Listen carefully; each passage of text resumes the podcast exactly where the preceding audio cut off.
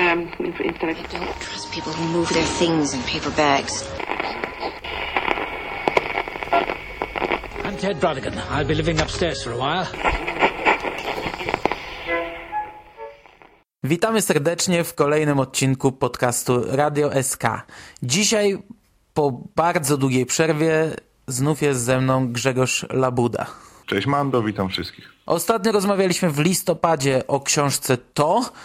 Dzisiaj również porozmawiamy sobie o książce Stephena Kinga, a będzie to zbiór pod tytułem Serca Atlantydów.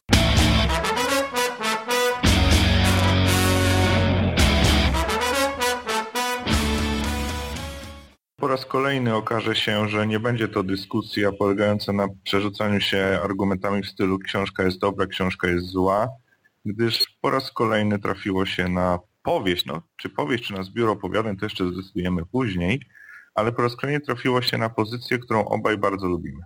No właśnie przed nagraniem troszeczkę się z tego śmiałem, że po raz drugi rozmawiałem dwaj fani tego tytułu, bo dla mnie Serca Atlantydów to jest y, no taka żelazna książka.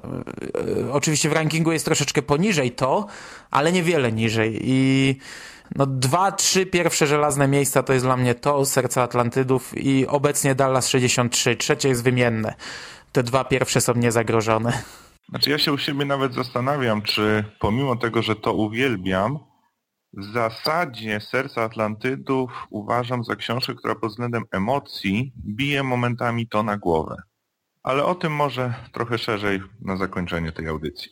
No i skoro już zacząłeś, czy jest to zbiór opowiadań, czy jest to powieść, czym w zasadzie są Serca Atlantydów? Jest to pięć tekstów, y, z tym, że są to teksty no, dość mocno ze sobą powiązane, które razem stanowią jakąś tam całość.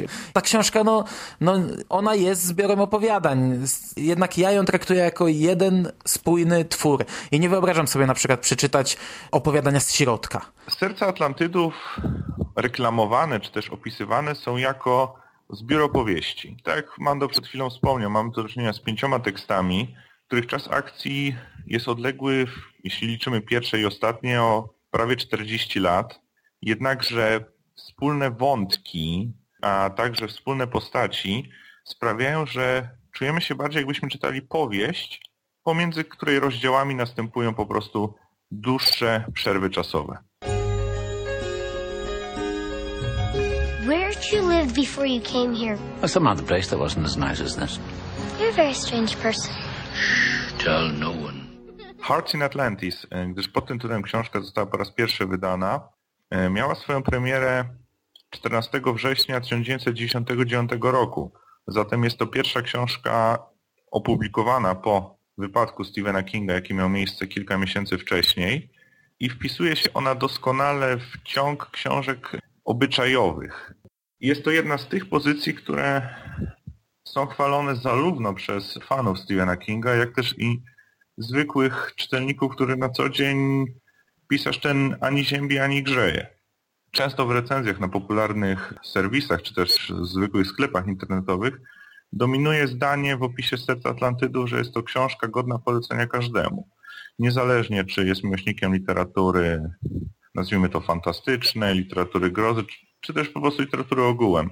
Jest to rzecz dobra i skłaniająca ludzi do uznania, że mit, jaki obrósł wokół Stephena Kinga, króla horroru, jest jak najbardziej błędem. All you gotta do is find the Queen of Hearts.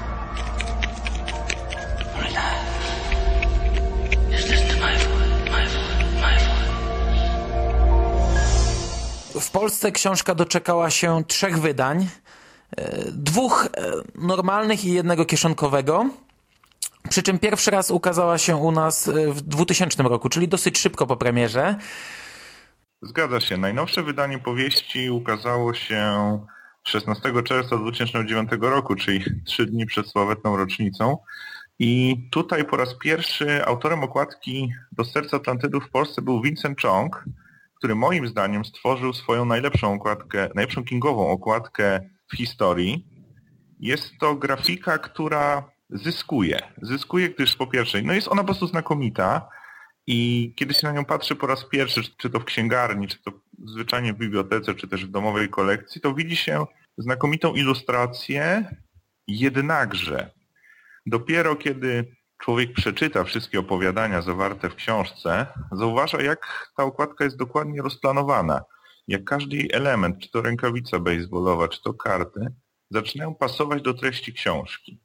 I jak to po zamknięciu ostatniej strony, ten cały rysunek się wypełnia i wtedy człowiek rozumie, co artysta miał na myśli. No ja tutaj się z tobą spierać nie będę, bo zacznijmy od tego, że ja uwielbiam pracę Chonga. Vincent Chong to jest taki artysta, który zadomowił się w Polsce e, w serii Pruszyńskiego.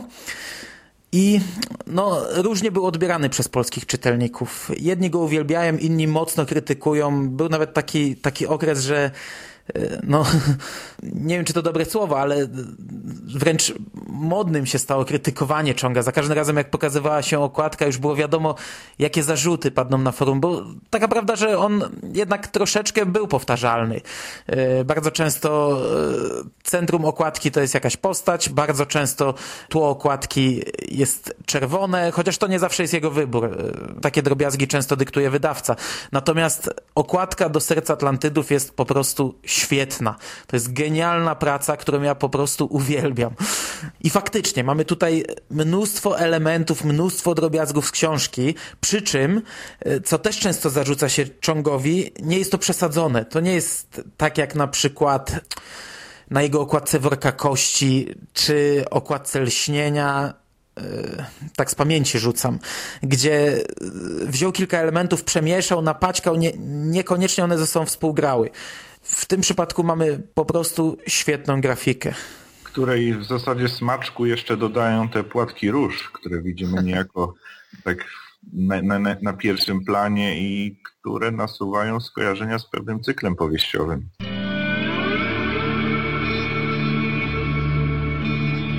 The man in black fled across the desert and the gunslinger followed. Z pewnym cyklem powieściowym, tak jest. I w tym momencie możemy chyba już przejść do omawiania po kolei każdego z tekstów. Ja nie bez powodu na początku wspomniałem o tym, że pierwsze wydanie książki ukazało się u nas w 2000 roku, ponieważ było to dwa lata przed polską premierą Mrocznej Wieży. W tym okresie my w Polsce niewiele wiedzieliśmy o Mrocznej Wieży. O ile się nie mylę, ukazały się tylko książki Bezsenność, z tych takich silnie nawiązujących do Mrocznej Wieży i właśnie Serce Atlantydów. I wtedy tłumacze mieli ciężki orzech do zgryzienia, no bo jak tu przetłumaczyć e, silne nawiązania? No bo tutaj mamy naprawdę bardzo silne nawiązania do Mrocznej Wieży, gdy Mrocznej Wieży nie ma w Polsce. Książkę przełożyło dwoje tłumaczy, Maciejka Mazan i Arkadiusz Nakoniecznik. Przy czym ja nie mogę tutaj znaleźć informacji, kto odpowiedzialny jest za który tekst. O panu Arkadiuszu Nakonieczniku ja już mówiłem niekoniecznie w superlatywach w odcinku poświęconym książce Wryk Kości. W tym przypadku nie wiem, jak poradzili sobie tłumacze, jednak no Pierwszy tekst, Mali ludzie w żółtych płaszczach. Ja od zawsze żałuję, że my nie naciskaliśmy na wydawcę, żeby ujednolicił to wydanie. Bo to jest jedyna książka, gdzie pojawia się bohater nazwany Szkarłatny Król zamiast Karmazynowego Króla. I oprócz tego są chyba jeszcze jakieś inne rozbieżności, których już w tym momencie nie pamiętam. Oczywiście wydawcy, my o tym także wspominaliśmy w swoim poprzednim wspólnym podcaście dotyczącym to, no dla wydawcy to nie jest praca, która by się opłacała, więc nikomu nie będzie się chciało poprawiać takich rzeczy, ale żałuję, że gdy, że w okresie, w którym mieliśmy dobre kontakty z wydawcą Pruszyńskiego, nie nacisnęliśmy mocniej na to, bo myślę, że dałoby się to przepchnąć. I teraz takie moje pytanie do ciebie. Czy ty w ogóle czytałeś Mroczną Wieżę?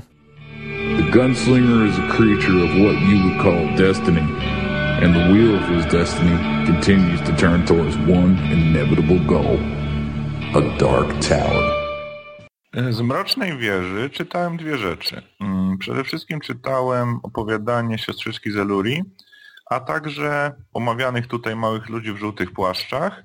I to w zasadzie jeśli mam być szczery, jako osoba stojąca trochę na uboczu Mrocznej Wieży, czyli po prostu wiedząca o co chodzi w tym uniwersum, orientująca się w nim tyle o ile, muszę przyznać, że mali ludzie pod kątem odniesień wieżowych, czy też mm, tematyki, zrobili na mnie o wiele lepsze wrażenie niż siostrzyczki z Eluri, które mnie po trochu wynudziły. Okej, czyli ty jesteś takim w sumie tutaj nawet lepszym czytelnikiem, żeby ocenić ten tekst, niż ja. No bo ja już zatraciłem się w tym uniwersum. Też czytałem Małych Ludzi w Żółtych Płaszczach jeszcze przed premierą Mrocznej Wieży, no siłą rzeczy. Mroczna Wieża jeszcze nie była wtedy w Polsce wydana, ale ja już kompletnie nie pamiętam, jak ja to wtedy oceniłem. O, od tego czasu zarówno Serca Atlantydów przeczytałem chyba trzy razy, Mroczną Wieżę niezliczoną ilość razy, także w tym momencie nie jestem w stanie powiedzieć, jak ten tekst sprawdza się dla kogoś, kto nie zna Mrocznej Wieży, no ale nie zraziłem się do niego, czyli, a wręcz przeciwnie, pokochałem tę książkę, czyli jednak musi to być e, dobry tekst. Ja tutaj się wzbraniam przed użyciem terminu opowiadanie, ponieważ ten pierwszy tekst e, kończy się na 260-270 stronie, czyli mógł być tak naprawdę wydany jako osobna powieść. Ale do czego zmierzam? Ten pierwszy tekst broni się.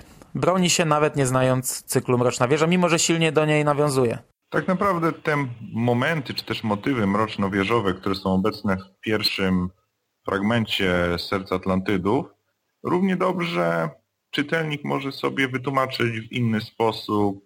No nie chcę teraz spoilerować za mocno, żeby nie psuć przyjemności z czytania osobom, które nie znają jeszcze tej książki. Natomiast mogę z całą stanowczością powiedzieć, że ten tekst albo zachęci kogoś do przeczytania Mrocznej Wieży, jeśli jej jeszcze nie zna, bo tak to na mnie zadziałało, nie ukrywam, albo po prostu zostanie potraktowany jako licencja poetyka autora, odbiorca przejdzie na tym do porządku dziennego.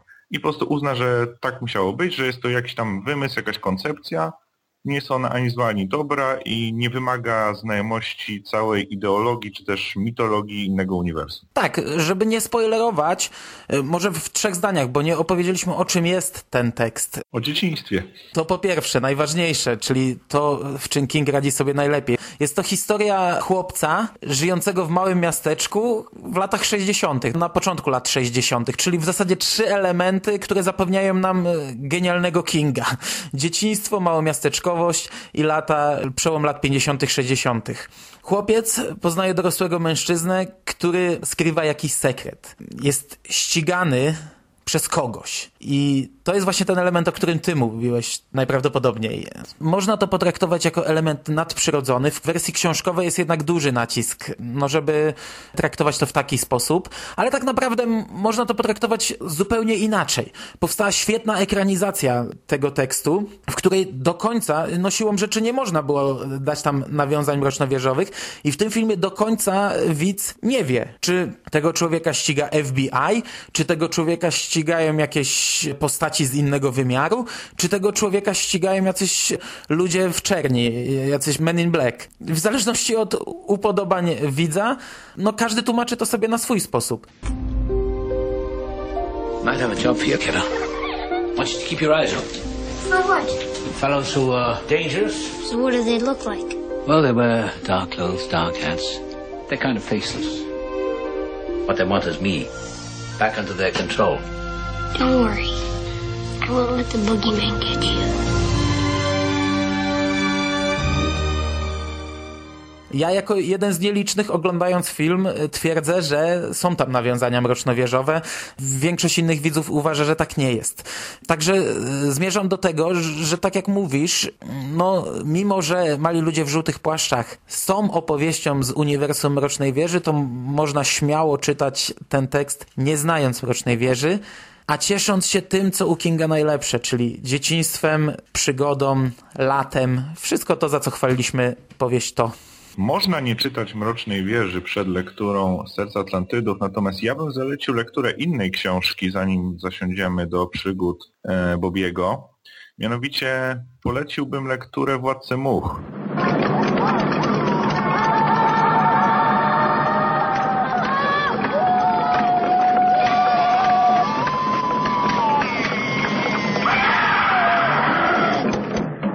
Książki, której treść przewija się na pierwszy, przynajmniej w pierwszej części Serca Atlantydów i która jest tam wielokrotnie zmiankowana, łącznie w zasadzie chyba nawet z zakończeniem książki Goldinga. I lepiej byłoby nie spoilerować sobie tamtej, tej wcześniejszej pozycji, gdyż stracimy wtedy okazję do poznania fascynującej lektury.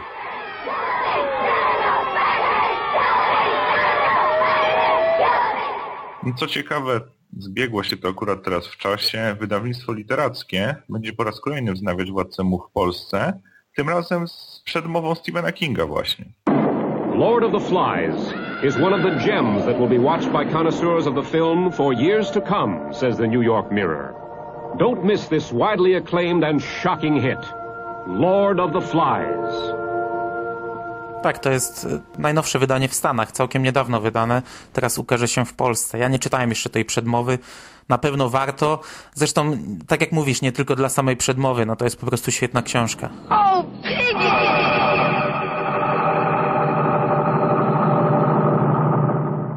Okej, okay, to w zasadzie chyba na tyle, jeżeli chodzi o pierwszy tekst.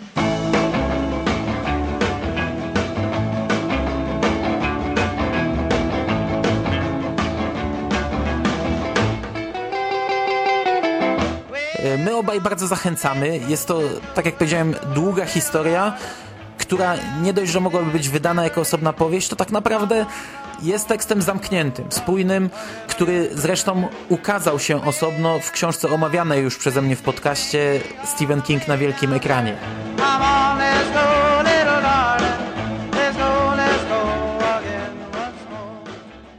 Ja jednak daleki jestem od tego, by w tym momencie kończyć przygodę, ponieważ e, tak naprawdę kolejne, chyba już mogę użyć sformułowanie opowiadanie, mimo że to też dość długi tekst, które czeka na nas w książce, jest dla mnie chyba najlepszym krótkim tekstem, jaki King kiedykolwiek napisał.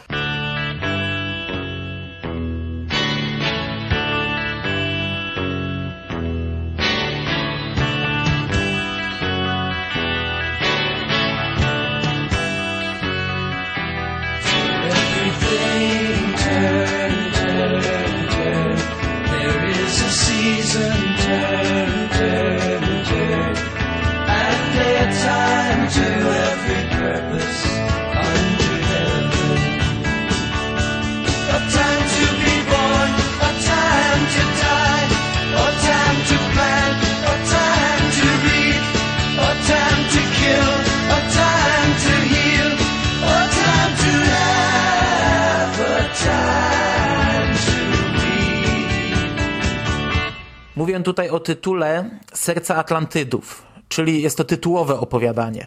Jego akcja rozgrywa się w 1966 roku w miasteczku studenckim. No i początkowo wydaje się to tekst całkowicie oderwany. Jeżeli ktoś nie ma pojęcia, czym tak naprawdę jest ta książka, to w tym momencie będzie miał wrażenie, że przeszedł do zupełnie nowego opowiadania, które dopiero po jakimś czasie zaczyna łączyć się bohaterami i wydarzeniami z poprzednim tekstem.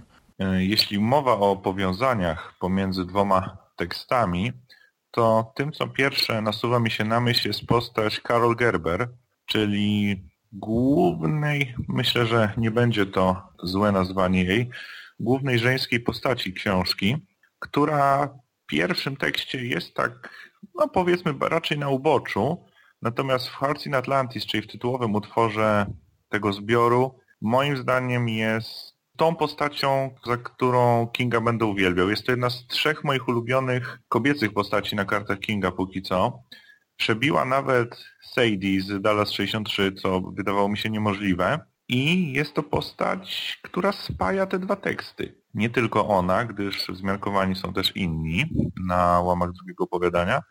Natomiast jej pojawienie się jest tym momentem, kiedy uświadamiamy sobie, że King miał jakiś większy plan przy tworzeniu tej e, książki, gdyż zauważamy, jak, jakoby wszystkie elementy zaczynały do siebie dopasowywać się. Have you kissed her yet?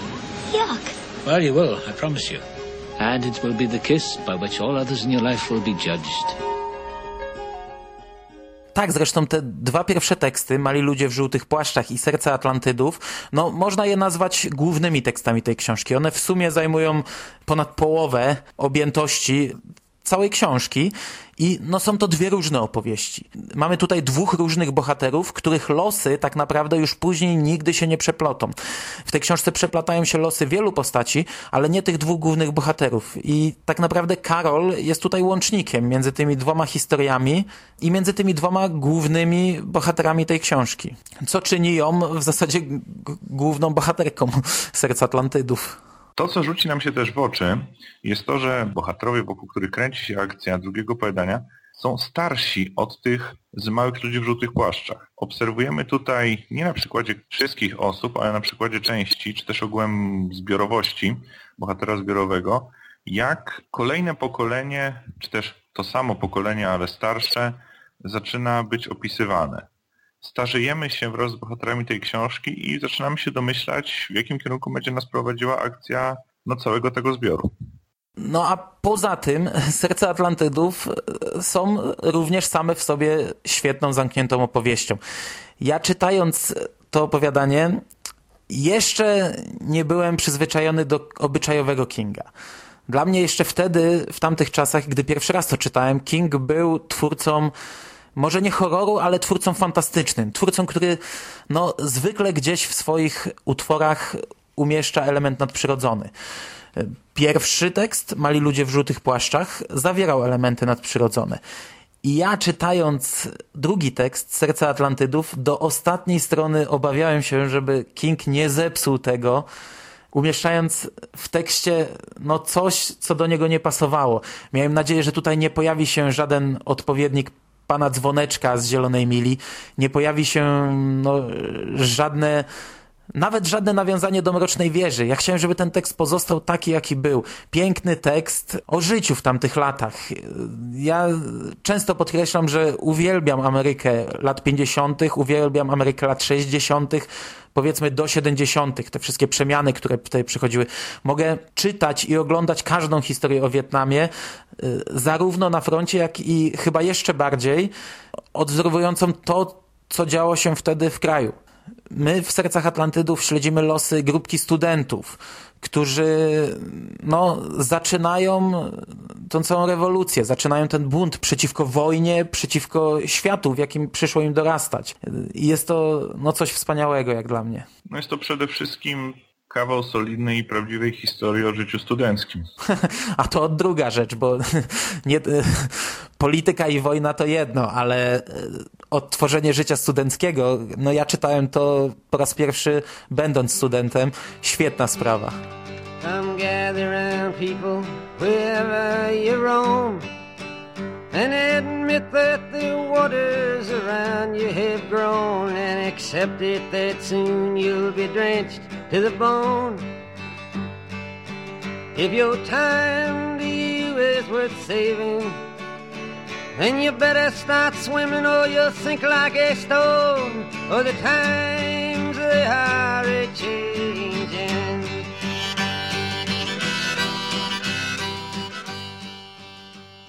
Inaczej niż pomiędzy pierwszym a drugim tekstem wygląda moment przejścia czasowego między analogicznie drugim i trzecim. Ślepy Willy, czyli kolejny fragment, środkowy fragment, rozgrywa się w roku 83.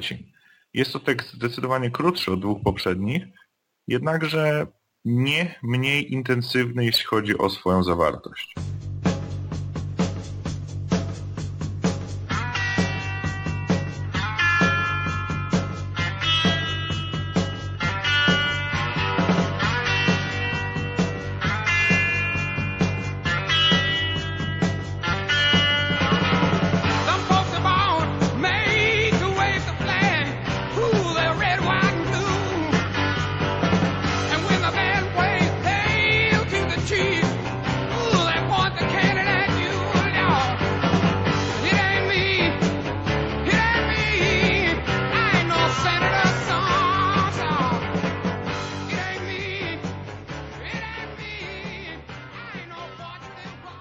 Jako ciekawostkę można też dodać, że jest to druga wersja tego opowiadania, jaka trafiła do książki. Wcześniejszą, pierwotną, King wydał tylko w limitowanym zbiorze opowiadań Six Stories. Jest ona niedostępna w naszym kraju na chwilę obecną. Tak naprawdę w tym momencie pozostały nam już tylko klasyczne, krótkie opowiadania. I ja przyznam, że gdy pierwszy raz czytałem tę książkę, zarówno Ślepy Willy, jak i kolejny tekst, który jeszcze przed nami, no wtedy nie wywarły na mnie takiego wrażenia. Ja ceniłem tę książkę za dwie pierwsze historie, ale dwie kolejne troszeczkę wydawało mi się, że odstępują od pozostałych. Dopiero druga lektura Czyli y, gdy już wiedziałem o, o co chodzi w całej książce, no zmieniła całkowicie moje nastawienie do tych tekstów. Ja tak naprawdę zarówno Ślepego Williego, jak i kolejne opowiadanie, które będziemy omawiać, stawiam na równi. Bo tak naprawdę oba opowiadania przedstawiają historię dwóch bohaterów, których poznaliśmy w dzieciństwie, w Małych Ludziach w Żółtych Płaszczach. I teraz dowiadujemy się, jak potoczyły się ich losy i jak zmieniło się ich życie przez wojnę, przez studia i przez wszystko to, czego dokonali yy, w młodości. W przypadku ślepego Williego, no, on cały czas pokutuje za coś, co zrobił w dzieciństwie, za jedno wydarzenie.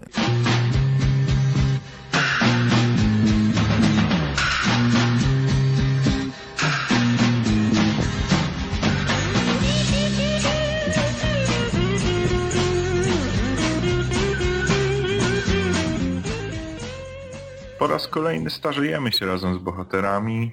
Możemy zaobserwować, jak główni bohaterowie wcześniejszych opowiadań patrzą na swoje postępowanie z perspektywy lat. Jakie wywarło to na nich wrażenie, odcisnęło piętno i po prostu jakimi ich uczyniło ludźmi. No i jest to dość dołująca historia. Żaden z tych bohaterów no nie ma lekkiego, łatwego i przyjemnego życia. Jeśli już wspomniałeś o czwartym tekście ze zbioru, czyli o Dlaczego jesteśmy w Wietnamie, to dla mnie osobiście był to moment krytyczny, kiedy czytałem tę książkę, gdyż po raz pierwszy musiałem ją odkładać, kiedy chciałem ją czytać wieczorem czy też po południu, gdyż po prostu działała ona, zaczynała na mnie działać strasznie depresyjnie. Odczuwało się tą przygnębiającą atmosferę bijącą z jej kart i jej lektura pod koniec dnia stawała się praktycznie niemożliwa. Dlatego mogłem to robić tylko przy świetle dziennym, gdyż no, zawarte w nich emocje, nie emocje były zdecydowanie wielkie i za to chwała Kingowi, za to, że stworzył tekst, który w zasadzie bazując tylko na opisywaniu ludzkiego życia sprawił, że czuło się to, co bohaterowie jego opowiadania i niejako obcowało się razem z ich problemami.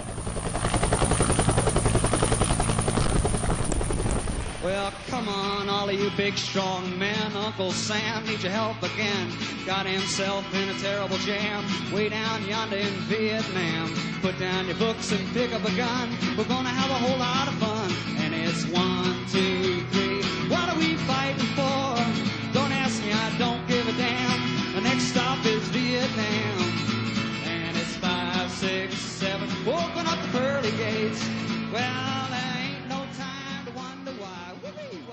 Ja, tak jak powiedziałem, bardzo podobnie oceniam, dlaczego jesteśmy w Wietnamie. Dla mnie Ślepy Willy i Dlaczego jesteśmy w Wietnamie to są dwa e, równoważne teksty. To jest bardzo podobna historia dwóch bohaterów. Obie historie są dołujące i tak naprawdę, e, chociaż nie mnie to oceniać, wydaje mi się, że oba te opowiadania, e, gdyby funkcjonowały gdzieś oddzielnie, a przecież przynajmniej Ślepy Willy został wydany, tak jak wspomniałeś, jako samodzielne opowiadanie, no to e, chyba dużo by na tym straciły. Siła tych opowiadań, moim zdaniem, tkwi w tym, że my z tymi bohaterami jesteśmy od dzieciństwa. Śledziliśmy ich kroki, widzieliśmy ich błędy, a teraz po dwudziestu paru latach e, widzimy konsekwencje niektórych uczynków. I zdaje nam się, że wszystko to zmierza w stronę końca, którym w tym przypadku będzie zamykający zbiór tekst Zapadają niebiańskie mroki nocy. najkrótsze z wszystkich pięciu opowiadań. Tak naprawdę jest to taki epilog. Gdybyśmy traktowali tę książkę jako powieść, jako taką specyficzną powieść, no Zapadają niebiańskie mroki nocy byłoby epilogiem, świetnym epilogiem, kolejnym bardzo smutnym rozdziałem tej książki, no i bardzo dobrym zamknięciem. To, co podkreślamy od początku, ta książka to jest droga przez życie kilku bohaterów, od ich dzieciństwa przez dojrzewanie do dorosłości. I eh, Zapadają niebiańskie mroki nocy jest no po prostu świetnym zamknięciem tej książki. Jest też tekstem, który, tak jak wcześniejsze dwa, nie mógłby praktycznie istnieć samodzielnie, co jest kolejnym argumentem dla zwolenników poglądu, że Serce Atlantydów, nie opowiadają tylko cały zbiór, to tak naprawdę nie zbiór, tylko ciekawie i oryginalnie skonstruowana powieść. W czasie lektury której wędrujemy z bohaterami od dzieciństwa, jak już wspomniałeś, przez ten okres młodzieżowy, okres studiów, aż po ich dorosłość i widzimy dokładnie, jak zmieniało się ich życie. A ostatnie opowiadanie spina w zasadzie klamrą, czyli to, o czym mówiliśmy wcześniej, zarówno małych ludzi w żółtych płaszczach, jak i opowiadanie Serca Atlantydów. Jest to krótka historyjka, przedstawiająca nam w zasadzie tylko jedną rozmowę, jedno spotkanie, ale jest to coś, co spina ten zbiór w całość. Łączy ze sobą ostatecznie nawet te niezwiązane ze sobą wątki. What just happened? I know certain things see certain things. Some think of it as a gift, but to me it's always been a burden. So what happens when you touch people? Pora by była powoli, abyśmy przeszli do swego rodzaju podsumowania naszych dzisiejszych deliberacji. Należałoby się przede wszystkim zastanowić nad tym, komu jeszcze możemy tę książkę polecić, jeśli jej nie czytał, oraz także dociec, czy Kingowi w tym przypadku chodziło bardziej o przedstawienie fabuły, czy też o emocji. Mnie wydaje się, że ten współczesny King, King XXI wieku, to jest właśnie taki King, w którym nie można odróżniać fabuły a emocji. U niego jest to nierozerwalnie ze sobą związane. Jego najnowsze książki to książki obyczajowe. W tym momencie już nie ma mowy o Kingu, królu horrorów, tylko o Kingu, pisarzu. I Serca Atlantydów są doskonałym przykładem takiej książki. Jeżeli cenicie Kinga za miasteczko Salem, za cmentarz dla zwierzaków, za podpalaczkę, czy inne książki bardziej lub mocniej e, balansujące na granicy horroru wcześniejszego okresu kariery Kinga, no to Serca Atlantydów mogą was bardzo mocno zaskoczyć. Mam nadzieję, że pozytywnie. Mnie ta książka zaskoczyła bardzo pozytywnie i tak jak powiedziałem na początku, jest to jedna z moich ulubionych książek, znajdująca się bardzo blisko miejsca pierwszego. Jestem przekonany, że będę wracał do tej książki jeszcze wielokrotnie. Ja przede wszystkim tę książkę polecę wszystkim osobom, które uważają, że Stephen King pisze sztampowe powieści, które nie są w stanie go niczym zachwycić. Niech taka osoba przeczyta Serce Atlantydów i wtedy będzie to szansa, aby przekonać się, że Steven jest w stanie napisać także powieść, bo już uważam, że nie będę używał tego zwrotu zbiór opowiadań, czy też zbiór nowel, gdyż jest to jednak powieść. Jest w stanie napisać powieść, która wstrząśnie czytelnikiem i uzmysłowi mu, że, no, że po prostu jest to kawał dobrej książki. No, też jest to może banalne z mojej strony zdanie, ale nie jestem w stanie tego określić inaczej niż po prostu kawał solidnej literatury, poruszającej, a jednocześnie intrygującej fabułą. I rozwiązaniami pomiędzy poszczególnymi jej częściami również. Okej, okay, a ja na koniec mam jeszcze taką ciekawostkę. Ciekawostkę, która umieszczona została w książce Stephen King na wielkim ekranie. Książce, którą ja już omawiałem w tym podcaście. We wstępie do opowiadania Mali ludzie w żółtych płaszczach umieszczonego w tym zbiorze King rozwodzi się na temat ekranizacji, pisząc, że film miał pewne problemy. I jako jeden z tych problemów podaje, i tutaj cytuję, Mali ludzie to zaledwie pierwsza część luźno skonstruowanej powieści, której wciąż nie ukończyłem. The House on Benefit Street, historia o tym, co spotkało przyjaciółkę Bobiego z dzieciństwa Carol, wciąż pozostaje nienapisana. A to pozwala nam przypuszczać, że kiedyś w przyszłości możliwe, że jeszcze powrócimy do tego tematu i miejmy nadzieję, że skoro King planuje to już od jakiegoś czasu, nie będzie to... Mm, wciśnięte w opowieść na siłę, tylko będzie to kolejny element całej historii uzupełniający ją i miejmy nadzieję, że będzie potrzebny. Na chwilę obecną wydaje się, że historia jest kompletna, ale co przyniesie przyszłość, no to zobaczymy. I tym samym my także dobrnęliśmy do końca naszej opowieści i przyszło nam się po raz kolejny pożegnać. Bardzo fajnie mi się z tą rozmawiało. Mam nadzieję, że jeszcze nie raz to powtórzymy. Do usłyszenia. Do usłyszenia wszystkim. Don't worry. I won't let the boogeyman get you.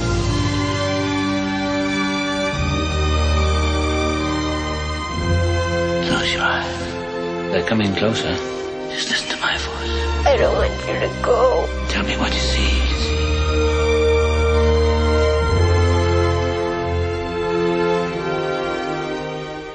Sometimes when you're young, You have moments of such happiness, you think you're in some place magical, like Atlantis must have been.